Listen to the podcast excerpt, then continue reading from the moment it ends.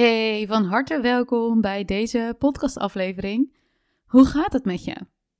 Met mij gaat het nu weer goed. Want om eerlijk te zeggen heb ik de afgelopen weken even wat zwaardere weken gehad.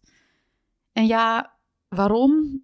Eigenlijk een beetje een samenloop van omstandigheden. En ik ga niet al te veel in details treden, want dan duurt de introductie van deze podcast net even iets te lang. Maar het komt er deels op neer dat ik in de afgelopen tijd veel van mezelf heb gevraagd en ook veel dingen heb gedaan buiten mijn comfortzone.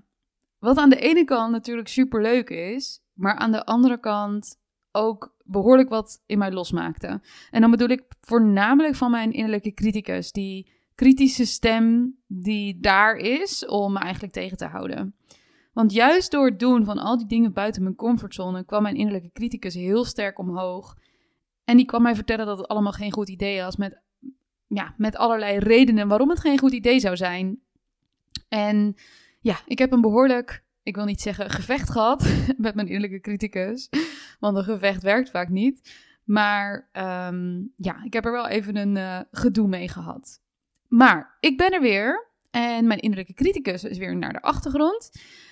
En ik kan er nu op terugkijken met dat ik superveel van de afgelopen weken heb geleerd. Ook al is dat in het moment natuurlijk absoluut niet fijn.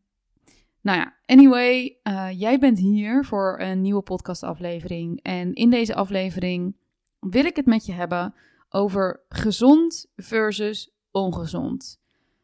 Want jeetje, wat wordt dat veel geroepen in onze samenleving? In een samenleving waar een dieetcultuur heerst. Dit moet je niet eten, want dat is ongezond. Dat moet je niet eten, want dat bevat suiker en dat is slecht. Vetten zijn niet goed voor je. Dit is niet goed voor je. Het vervelende aan deze opmerkingen is dat het voor veel mensen kan leiden tot een verstoorde relatie met eten.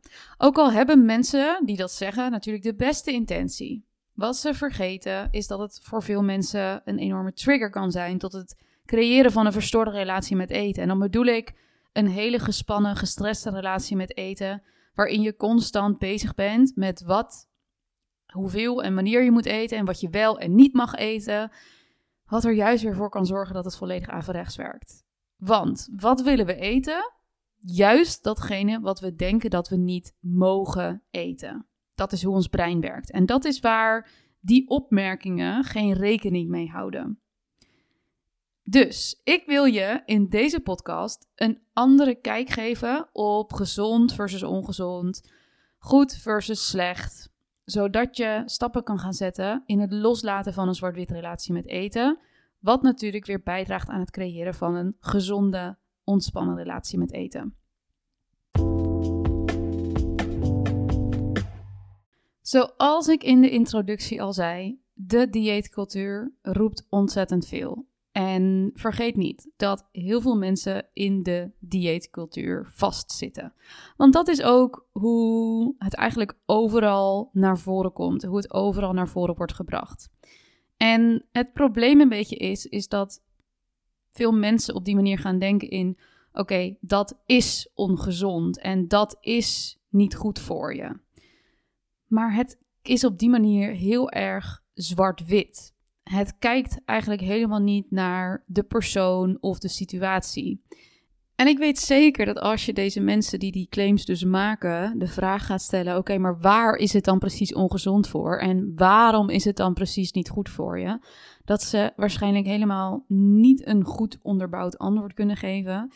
En als ze dat wel kunnen geven, dat daar een gedeelte niet helemaal van klopt. En dat het geen rekening houdt met de persoon of de situatie, met de wie, wat, waar, waarom. En het is natuurlijk ook allemaal super verwarrend. Begrijp me niet verkeerd, het is allemaal super verwarrend. Vorige week had ik nog een gesprek met een cliënt die zei: Ja, ik moet toch uh, veel vetten eten, want bladibladibla. Nou, die is afkomstig van ooit een keto-dieet. Terwijl ik gisteren een gesprek met iemand heb die zegt: Vetten zijn toch slecht voor me? En ik moet toch niet te veel vetten eten? Deze cliënt heeft juist weer een achtergrond in koolhydraatarm en vetarme diëten. Dus geen wonder dat ze dit natuurlijk ook denkt, want dat is wat er is verteld. En juist al die verwarring, juist al dat dat al zo vaag is, laat gewoon al op zoveel vlakken zien dat er zoveel niet klopt. Dus de cliënt die vroeg rondom die het verleden heeft in het keto-dieet, die vroeg ik ook van, oké, en, en waar baseer je dan op dat dat zo is? Ja, een vriendin van mij die had advies gekregen van, en die moest veel vetten eten. En toen vroeg ik van, oké, god, maar van wie heeft ze dat advies gekregen? En wat is daar de achterliggende gedachte achter? Ja, uh, die vriendin die heeft bepaalde gezondheidsklachten en die had dus van een, nou, ik ga even niet een naam noemen, maar die had van een specifieke adviseur gehoord dat ze veel vetten moest eten vanwege haar gezondheidsklachten. Aha, hey, oké, dus voor haar gezondheidsklachten is het belangrijk dat zij dat en dat eet. Maar is dat ook op jou van toepassing? En voor haar was, zijn die gezondheidsklachten niet van toepassing. Dus is het voor haar dan ook van belang om zoveel vetten te eten als vriendin A eet? Nee, waarschijnlijk niet. Dus dit geeft al aan, hey, het is heel erg afhankelijk van de persoon, de situatie, de wie, wat, waar, waarom of iets dan gezond of ongezond is. En uiteindelijk wil ik, wil ik eigenlijk dat je gaat inzien dat het niet zo zwart-wit is en dat iets niet gezond of ongezond is. Dus eigenlijk dan bedoel ik echt even de nadruk op: het is niet gezond of ongezond. Het is afhankelijk van heel veel factoren. En ik ga hier dan ook even een voorbeeld bij geven. Want zoals je nu al hebt kunnen horen, is hoe ik kijk naar gezond versus ongezond, goed versus slecht, heel erg afhankelijk van de situatie. Een persoonlijk voorbeeld. Als ik kijk naar hoe ik vroeger met voeding omging, dan kwam ik bijvoorbeeld op een verjaardag en er werd me daar een stukje taart aangeboden.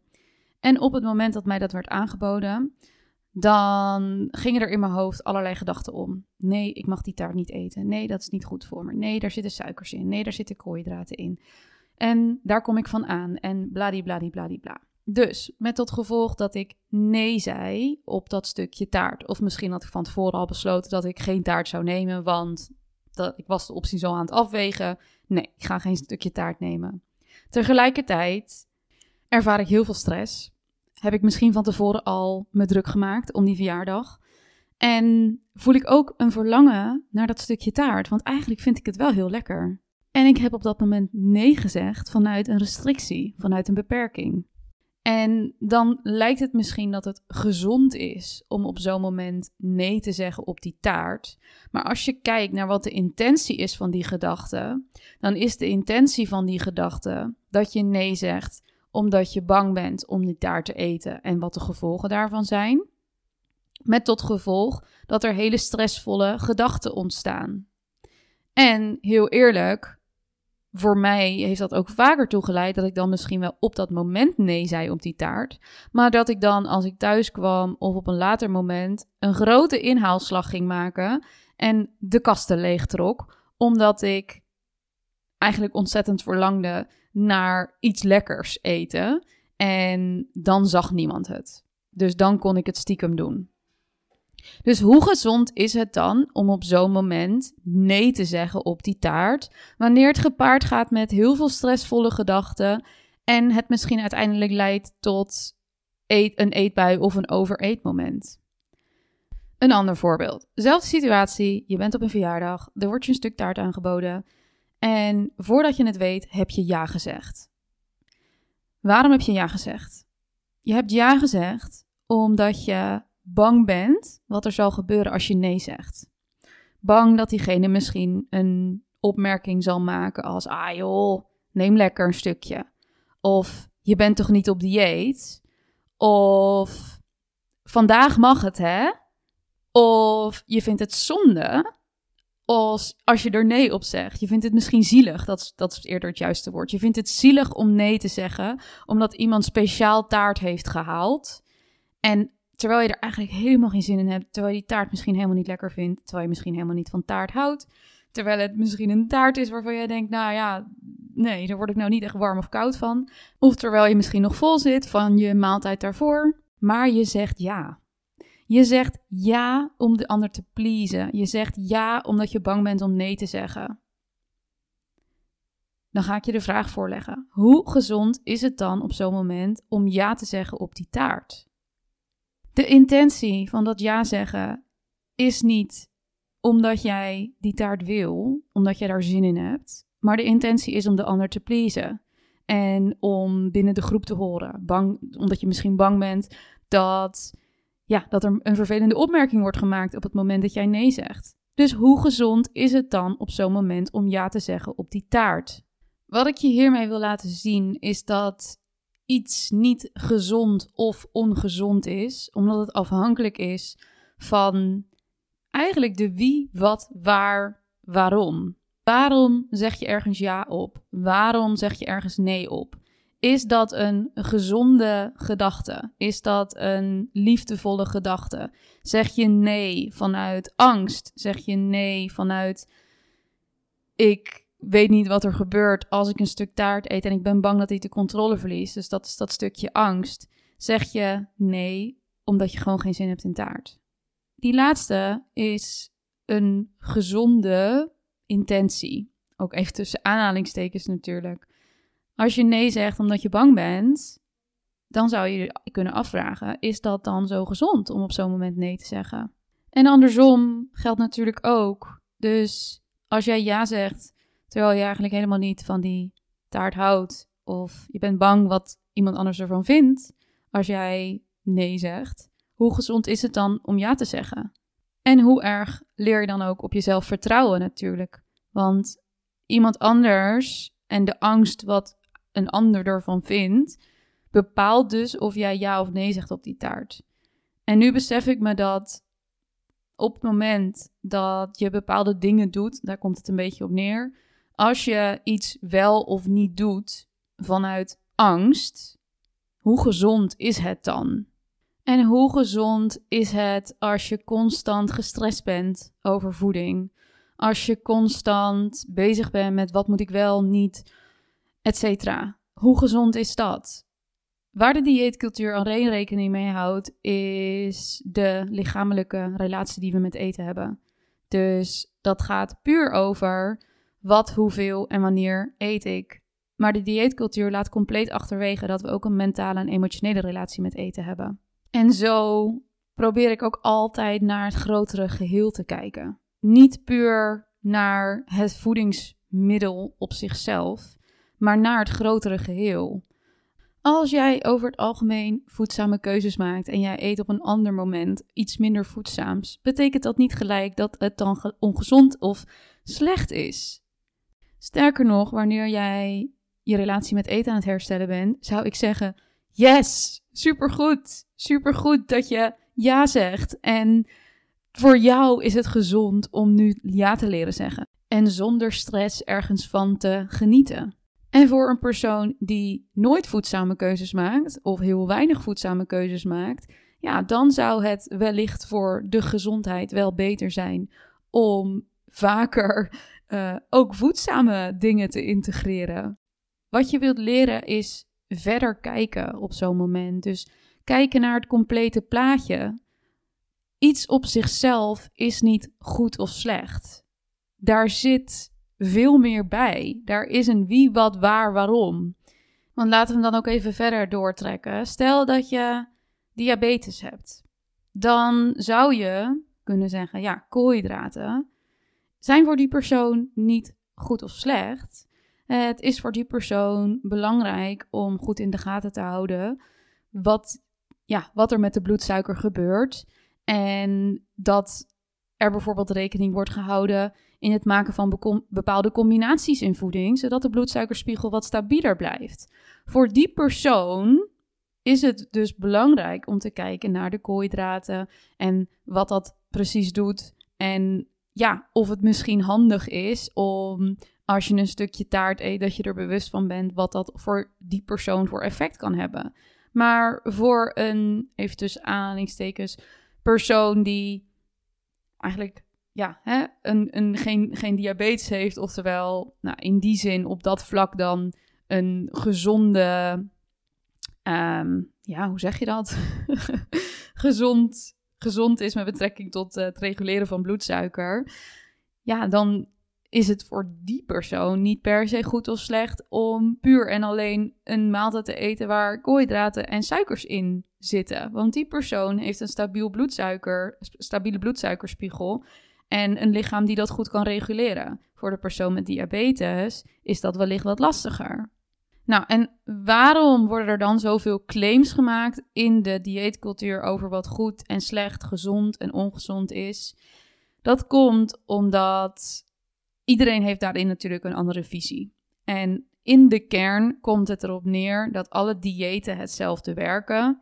Diëten zijn zo gecreëerd dat door het vermijden van bepaalde producten of productgroepen het ervoor zorgt dat jij minder energie, minder calorieën binnenkrijgt dan dat je lichaam nodig heeft. Vanuit daar worden er allemaal claims gemaakt over dat moet je niet eten, want dat is slecht. En dan kan je de vraag stellen: oké, en waarom is dat dan slecht? Nou, omdat je daarvan aankomt. En dat is dus eigenlijk niet waar. Want het is niet dat je van dat product op zichzelf aankomt, maar dat op het moment dat jij daar meer van eet en er zijn productgroepen waar het makkelijker is om, of waar, waar het sneller gaat, dat je er sneller energie of meer energie van binnenkrijgt. Ja, daarom claimen ze dan dat dat slecht voor je is.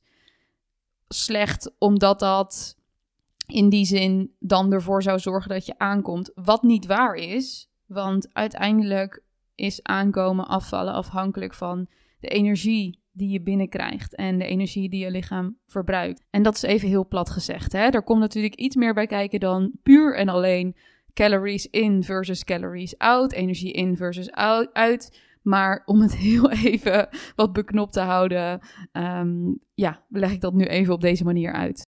En ik kan natuurlijk nog talloze voorbeelden geven. Zo claimde ik vroeger dat ik geen normale aardappels wilde eten, want dat was dan minder goed oftewel slecht voor me. Maar ook dat is heel erg afhankelijk van de situatie. Want op het moment dat jij heel veel zoete aardappels eet, dan kan het zijn dat je op een gegeven moment een teveel aan vitamine A binnen hebt gekregen. Terwijl gewone aardappels bijvoorbeeld weer meer vitamine B1, B6 en foliumzuur bevatten. En ook dat zijn stoffen die we nodig hebben. Ook hier zie je dan dat het heel erg afhankelijk is van de persoon en de situatie. Net als dat water gezond voor je is, maar je ook een watervergiftiging kan krijgen. Nou ja, ik denk dat ik ondertussen wel mijn punt heb gemaakt. En dat voeding niet op zichzelf gezond of ongezond, zwart-wit te labelen is. En dat je echt verder wilt kijken naar het grotere geheel, naar de wie, wat, waar, de waarom, voordat je echt kan claimen of iets gezond of ongezond is. En dat het er in het algemeen op neerkomt dat balans in je voedingspatroon belangrijk is. En dat je je mentale relatie en je emotionele relatie met eten mee wil nemen. Want zoals we hebben besproken, is een hele stressvolle relatie met eten natuurlijk alles behalve gezond. Dus ja, stel jezelf in het vervolg de vraag: is het waar wat ik nu denk over goed versus slecht, gezond versus ongezond? Of moet ik even verder kijken naar het grotere geheel voordat ik deze claim nu ga maken? En ja, dus ook niet zomaar meegaat in de opmerking van je buurvrouw of je tante die vastzit in een dieetcultuur. Nou, mocht je hier natuurlijk nog vragen over hebben of mocht er nu iets onduidelijk zijn geworden bij je, alsjeblieft stel je vragen. Stuur me gewoon eventjes een DM. Want dan kom ik er heel graag op terug, omdat ik echt helemaal begrijp dat het ontzettend verwarrend is wat er allemaal wordt gezegd rondom voeding. En dat ik je dus heel graag help om uit die verwarring te komen en ja, je wat meer helderheid te geven in hoe het nou werkelijk zit met voeding.